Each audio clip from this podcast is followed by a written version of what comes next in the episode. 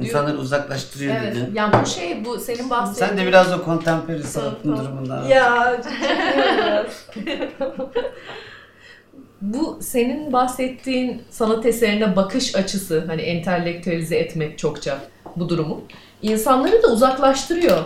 Hani ben bunu anlamam ki zaten diye bakarak Tabii canım çünkü zaten birincisi yani bu bir deminden beri bahsettiğim gibi zihinle ve entelektüel Ya Cem, çok özür dilerim. şey. Çok değil. dışarıdan bir görünüşünü söyleyeceğim. Yani sanat eserine bakış açısının entelektüelize edilmesi deyince yine bir orala, benim oralarıma dokunuyor eski.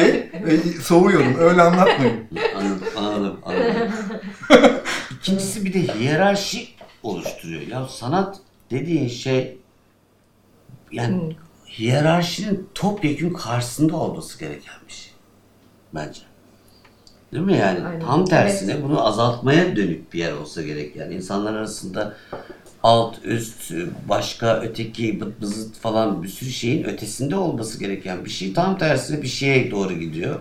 Ben bunu anlamam ki zannediyor bir sürü insan. Halbuki anlaması gereken burasıyla değil, burasıyla hissetmesi gereken bir şey. Ki bir sürü sanatçıya baktığın zaman da öyle herkes iyi akademilerde, okullarda okumamış. Otodidak bir sürü çok e, şey Başarılı olmuş Van akademi var. mezunu falan zannediyorsa insanlar canım alakası yok yani. Yani Çok iyi sanatçıların çoğu işi oralarıyla yapmıyorlar zaten. Yani buralarıyla yapmadıklarını biliyorum. Nereleriyle yaptıklarını geri kalan her yerle yapılabilir. Yani çok iyi bir eser ortaya çıkartacağım kaygısıyla hiçbirinin ben gerçekten o eserleri ortaya Aynen. çıkarttığını Abi düşünmüyorum. Aşık Veysel'i düşün, Nazım Hikmet'i düşün. Öyle bir Aynen. kaygılı olacak işler değil yani. Bir şey diyordun sen demin sanki. Sen mi sen mi? Hayır, biz e, bir gün seninle beraber bir Bienal gezmeye gittiğimiz zaman Ya ben, ben mi Hatip sen mi Hatırsın? Sayana. Peteği, Peteği aramak istedik yani. Çünkü Petek, Petek'in heyecanı, Petek'i tanıyorsun. Tabii tabii tabii. Ya bir kere Biennale gezmeye gittik. Tamam mı? Bir pazar günü. Ee, bu arada yani bütün çağdaş sanatı çöpe atıyor gibi olmayayım. Bir sürü iyi işte görüyorum. Ama bazı yerlerde görüyorum onu. Biennale gittik. Heyecanla gittik yani ikimiz de.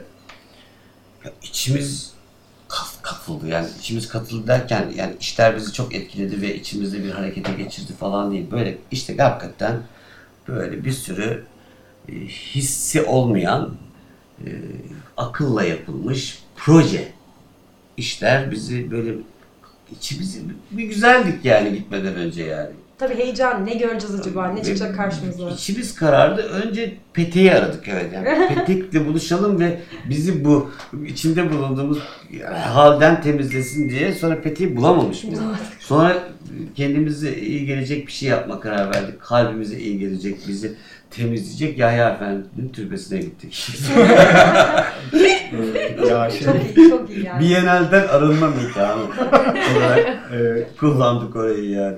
Ve çok iyi geldi değil mi? Kediler, mediler içeri girdik her şey çok güzeldi. Çağdaş Sanat'ta çöpe atmayalım dedin ya şey duymuştum bir gün Erkan Oğur televizyonda seyrediyorum. Ee, şey dedi ya işte müzik ucuz diyor vesaire dedi. Ee, dediler. O da dedi ki e, parayla satılan her şey ucuzlamıştır. Ona benziyor. Yani o piyasası olduğu an artık e, ucuzların onun içine gir, gi- girmesi kaçınılmaz. İşte bu hep bahsettiğimiz kaygı hikayesi de aslında bunun içinde yani. Bir kaygıyla giriyor adam o e, şeye Biennale vesaire. Bir satma kaygıyla kaygı. giriyor ama kalbindeki herhangi bir kaygıyı ifade etme kaygısı değil o. Beğenilme İşte mi? beğenilme kaygısı, ünlü olma kaygısı, satma kaygısı falan filan yani. Artık bir sürü... Çünkü o demek ki artık ben değilim, sana yapıyorum demek. Yani ben e, böyle yazdığım e, genç yaşlarımda yazarken e, şey fark ederdim. Okuru düşündüğümü fark ettiğim ya zamanlar olurdu. Yırtıyordum o sayfayı. Çöp oluyor. Okuru düşünürsün. Okura eğer zihinsel bir şey anlatıyorsan. Yani zeytin yetiştirme teknikleri anlatıyorsan kesinlikle okuru düşüneceksin. Matematik anlatıyorsan düşüneceksin. Psikolojik makale yazıyorsan okuru düşüneceksin. Oku iyi anlasın, iyi kavrasın. Ama sanat eserinde okuru düşündüğün an kendinden gidiyorsun. Asıl malzeme sensin. Bir de tam tersi oluyor. Aynısı dinde de var. Mesela normalde sen işte Müslümansan işte Allah'a tapıyorum, başka bir şey tak, tapmıyorum diyorsun ama birisine bunu duyurmaya başladığından aslında bambaşka bir şey tatıyorsun. Bambaşka bir şey tatmaya başlıyorsun. Evet.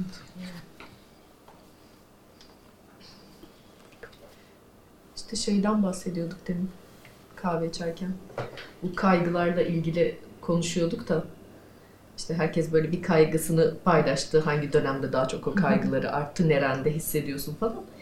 Bazı şeyleri de duyguları da gerçekten vücudumuzun belirli yerlerinde hissediyoruz. Yani fiziken de o duyguyu ben atıyorum şakaklarımda, karnımda, göğsümde bir yerimde hissediyorum yani dışarıya çıkıyor.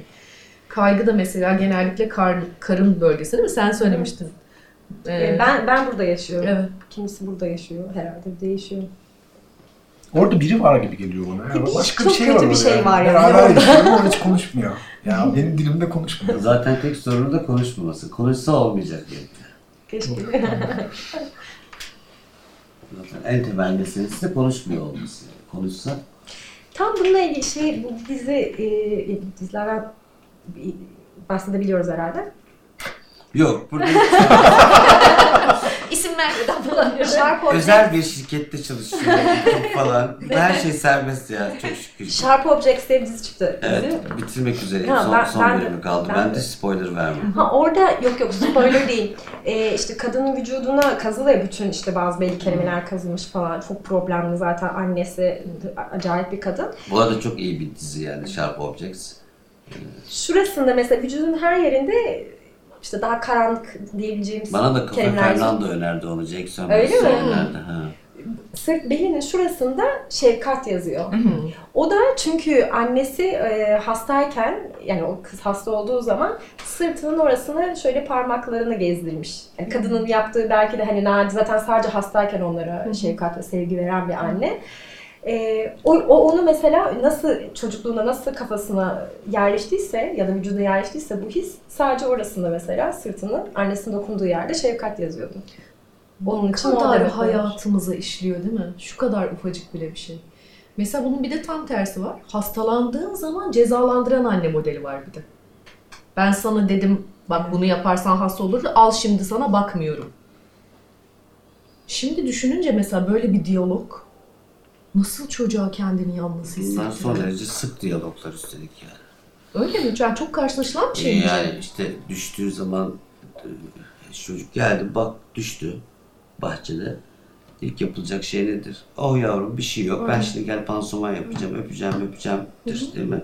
Şimdi bir kısım anne örnek veriyorum bunun gibi yüzlerce çeşit sayabilirim ama bir kısım anne ben sana demedim mi falan diye. Zaten ben Önce- Sıçtın şu an önce- sen benim ağzıma. Önce bir pansuman yap, bir öp. Sonra ertesi gün oradan geçerken işte oğlum kızım bak buradan geçerken dikkat et falan diye anlatabilirsin ama önce bir, bir öp, bir şefkat göster.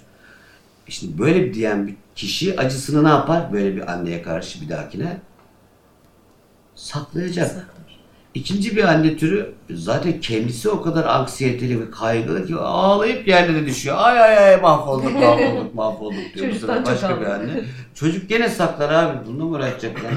Hiç güven duymayacağı daha da kötü. Hatta anneyle ilgilenmek zorunda kalacak belki acısını gösterdiği zaman. Yani bunlar çeşit buna benzer bir sürü örnek var.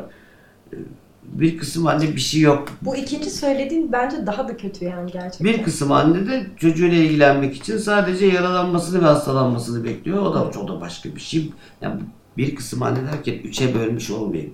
Ya bunun gibi binlerce, yüz binlerce dinamik var ama biz bunlarla ne yapıyoruz? İlerleyen yaşlarımıza gidiyoruz. Bunlar çünkü bizim örüntülerimiz. Ne oluyor bu sefer? İlerleyen yaşta da acımızı göstermediğimiz, acımızı sakladığımız, acıdığı için suçlu hissettiğimiz ya da ancak hastalanırsam beni severler dediğimiz bir takım kişilik özellikleri geliştirmeye başlıyoruz. Onların meselesi orada oluşuyor çünkü. Bu da çokça kendimizi yük olarak gördüğümüz. Şey de çok enteresan bir konu mesela. Ee, senin çok güzel bir lafın var ya, Beden Asla Yalan Söylemez kitabının kapağında yazan, arka, Arka kapağında yazan, üzerine örttüğümüz her şeyin altında kalırız. Ve devamı var çünkü. Belki sen devam ettirsin. Yani çok etkileyici bir söz. Dün gene Instagram'dan yayınlanmıştı. Ben böyle birkaç kere okudum onu tekrar tekrar. O kadar hoşuma gitti ki o kişiye karşı hislerimizin önceden tanımlanmış olduğu durumun getirdiği şey o kadar etkileyici ki en güzel sözlerinden bir Dur o tanesi zaman bence. Ben getir buradan okuyalım bunu. Bu çok çok güzel. Burada yok ki. Hemen şurada.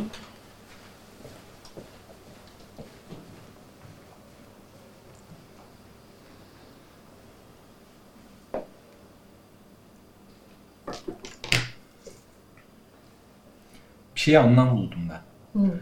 7 yaşında kızım var dedim ya. Evet. Şu- Bu aralar şöyle bir şeyim var kafama takılan bir şey. Düşünce çok rahatsız olan bir yüz ifadesi oluyor. Böyle bir utanmış gibi falan. Ulan diyorum bu çocuk niye ne yapıyorum ben hani niye vesaire. Ben demin anlattığımız gibi yapmadım da e, dikkat et dikkat et dedim hep küçükken. Muhtemelen o düşünce o anlamda bir suçluluk falan hissediyor. Ya Ne düşseydi kadar ne da olacak dikkatsizim yani? diye. Belki de. Ne kadar da dikkatsizim şey. diye mi düşünüyor acaba?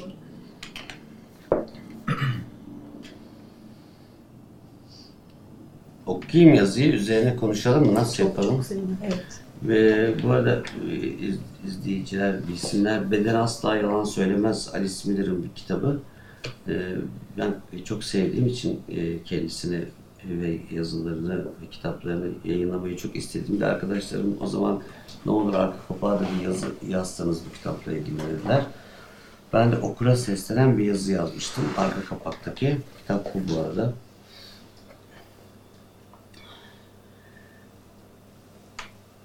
Birine öfkelenme özgürlüğümüz yoksa onu sevmeyi seçemeyiz.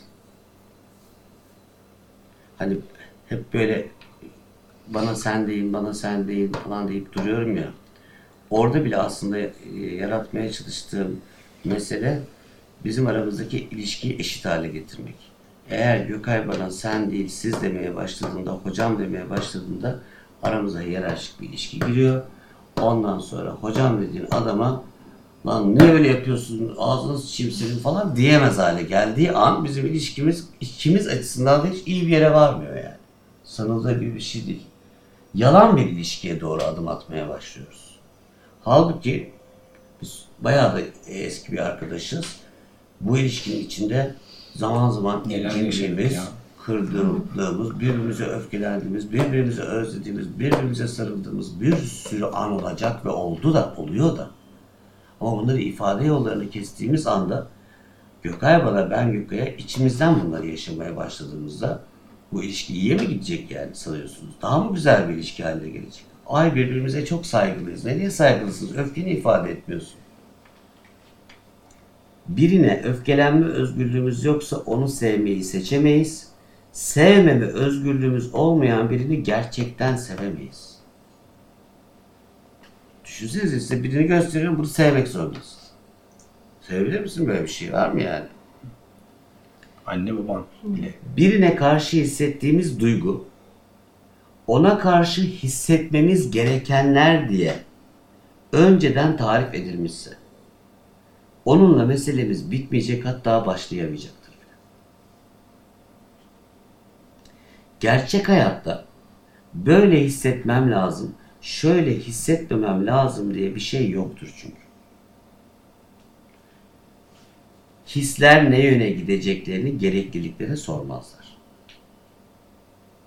Hiçbir gerçek ve olgun ilişki özünde nesnel değildir. Özneler gerçek paylaşımlarını nesnellik üzerinden kurmazlar. Du- duygularımızın ifadesiyle veya eylemlerimizle ilgili kendimizi kısıtlayabiliriz. Yani seni hiç sevmiyorumdur. Ama sana seni seviyormuşum gibi davranabilirim. Ama seni sevmem lazım diyerek, sana öfkelenmemem lazım diyerek bir şey kuramam içimde. Böyle bir bağ yok içimde yani. Kabullenme özgürlüğümüz olmayan her duygu dışarıya akamayan bir irin gibi bedenimizi ve ruhumuzu ele geçirir. İçimizi hapsettiğimiz her duygu aynı zamanda içimizi hapseder. Üzerini örttüğümüz her şeyin altında kalırız çünkü. Eksik olduğumuzu ararız, hem de eksik bırakandan ya da ona benzeyenden. Noksanımızı bizi zaten noksan bırakandan dileniriz bir ömür boyu. Oysa yapabileceğimiz yegane şey alamadığımız ilgiyi, saygıyı, duygularımıza dair anlayışı korumayı ve koşulsuz sevgiyi kendimize gösterebilmemizdir. İnsan ancak kendi kendinin ebeveyni olabildiğinde yetişkin, özgür ve mutlu olabilir. Şimdi burada okura bir şey söylüyorum. Çok acayip bu. Bunlar içinizde bir yere biraz tanıdık geliyorsa bu kitabı okumaya hazırsınız diyor. Ama peşine diyorum ki size bu kitabın kimle veya kimlerle ilişkinize dair olduğunu söylemeyeceğim yine de. Çünkü biliyorum ki söylersem kaçacaksınız. Size iyi gelmediği, sizi mahvettiği, sizi hasta ettiği, sizi mutsuz ettiği halde kaçacaksınız. Oysa kaçmanın kendisiydi asıl korkunuz. Biraz canınızın yanmasına izin verirseniz canınızın yanması geçecek, sizi kendinizin şifalı ellerine doğru çağırıyorum. Ben bu yazdığım bitim o kısmını mesela çok önemli. Diyorum ki başa söylesem ki size bu kitap neyle ve kimle ilgili kesin kaçarsınız diyor. Yani bir tarafı da dirençlidir içimizin buna. Çünkü bunu görmek için bir anlamda duygularımızı serbest bırakmamız ve bazı sevdiklerimize karşı olumsuz duygular da besleme özgürlüğümüzün olması lazım. Bir ilişki düşünün ki o ilişkide olumsuz duygu besleme özgürlüğümüz yok. Öyle ilişki olur mu ya? Mümkün değil ya. Ay, bunu kim Bak, çıkartmış ki? bunu- Niye böyle düşünüyoruz? Bak, kim söylemiş bak bunu? benim canımsınız hepiniz. Mümkün mü bana hiç olumsuz bir şey hissetmemeniz veya benim Aynen. size? Aynen. Kavga ettik biz bunda bam bam bam. Şiddet ya. gösteriyordum ya. Evet, evet. Çok muazzam. Evet yani e, pek önermiyoruz. e, fiziksel olanını ama fiziksel olanı çok önermiyoruz ama Kitabı okudum abi gösteririm ben.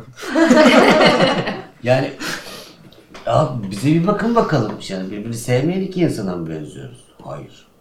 Benim canım o. Ama tabii ki olacak. Olduğu için güçleniyor. Hani demin hani e, karanlıktan korkmayın dediğimde de bu var. İlişkilerimizin de karanlık yerlerinden korkmayalım. Kendimizin de karanlık yerlerinden korkmayalım. E, Robert Johnson diye birinin bir kitabını yayınlamıştık bile. O da hala çok önemsediğim bir şey. Mesela kitabın adını sanıyorum Türkçe adını ben koymuş olabilirim. Gölgene sahip çık. Evet. Gölge, göl- gölgene sahip çıkacaksın. O sana ait bir şey. Ama bizim bir sürü olumsuz duygumuz, e, bir sürü arzumuz, bir sürü meselemiz yasaklı gibidir. E, O kitapta e, bir de e, şey de vardı. O da bence çok faydalı yani aslında. Tamam bunları e, işte konuşuyorsun, anlatıyorsun falan ama o kitapta gerçekten e, birileri, insanların denediği e, şeyleri de veriyordu. Bazı taktiksel Hmm. hani ne yapılabilir. Aslında o da çok değerli bence. Çünkü tamam hani bunları anlıyorsun, düşünüyorsun ama mesela işte kendi kendine ebeveyni olmak, kendine şefkat göstermek, kendini sevmek hani gerçekte ne, demek yani ne Hmm. yapması demek Aa, insanın. çok önemli. Hı hı, Çok önemli. Değil mi? Yani Ne demek? Pratikte Ke- kendini sevmek ne demek Cenk? Ya şimdi ben burada bu sorularda e, korkum şu.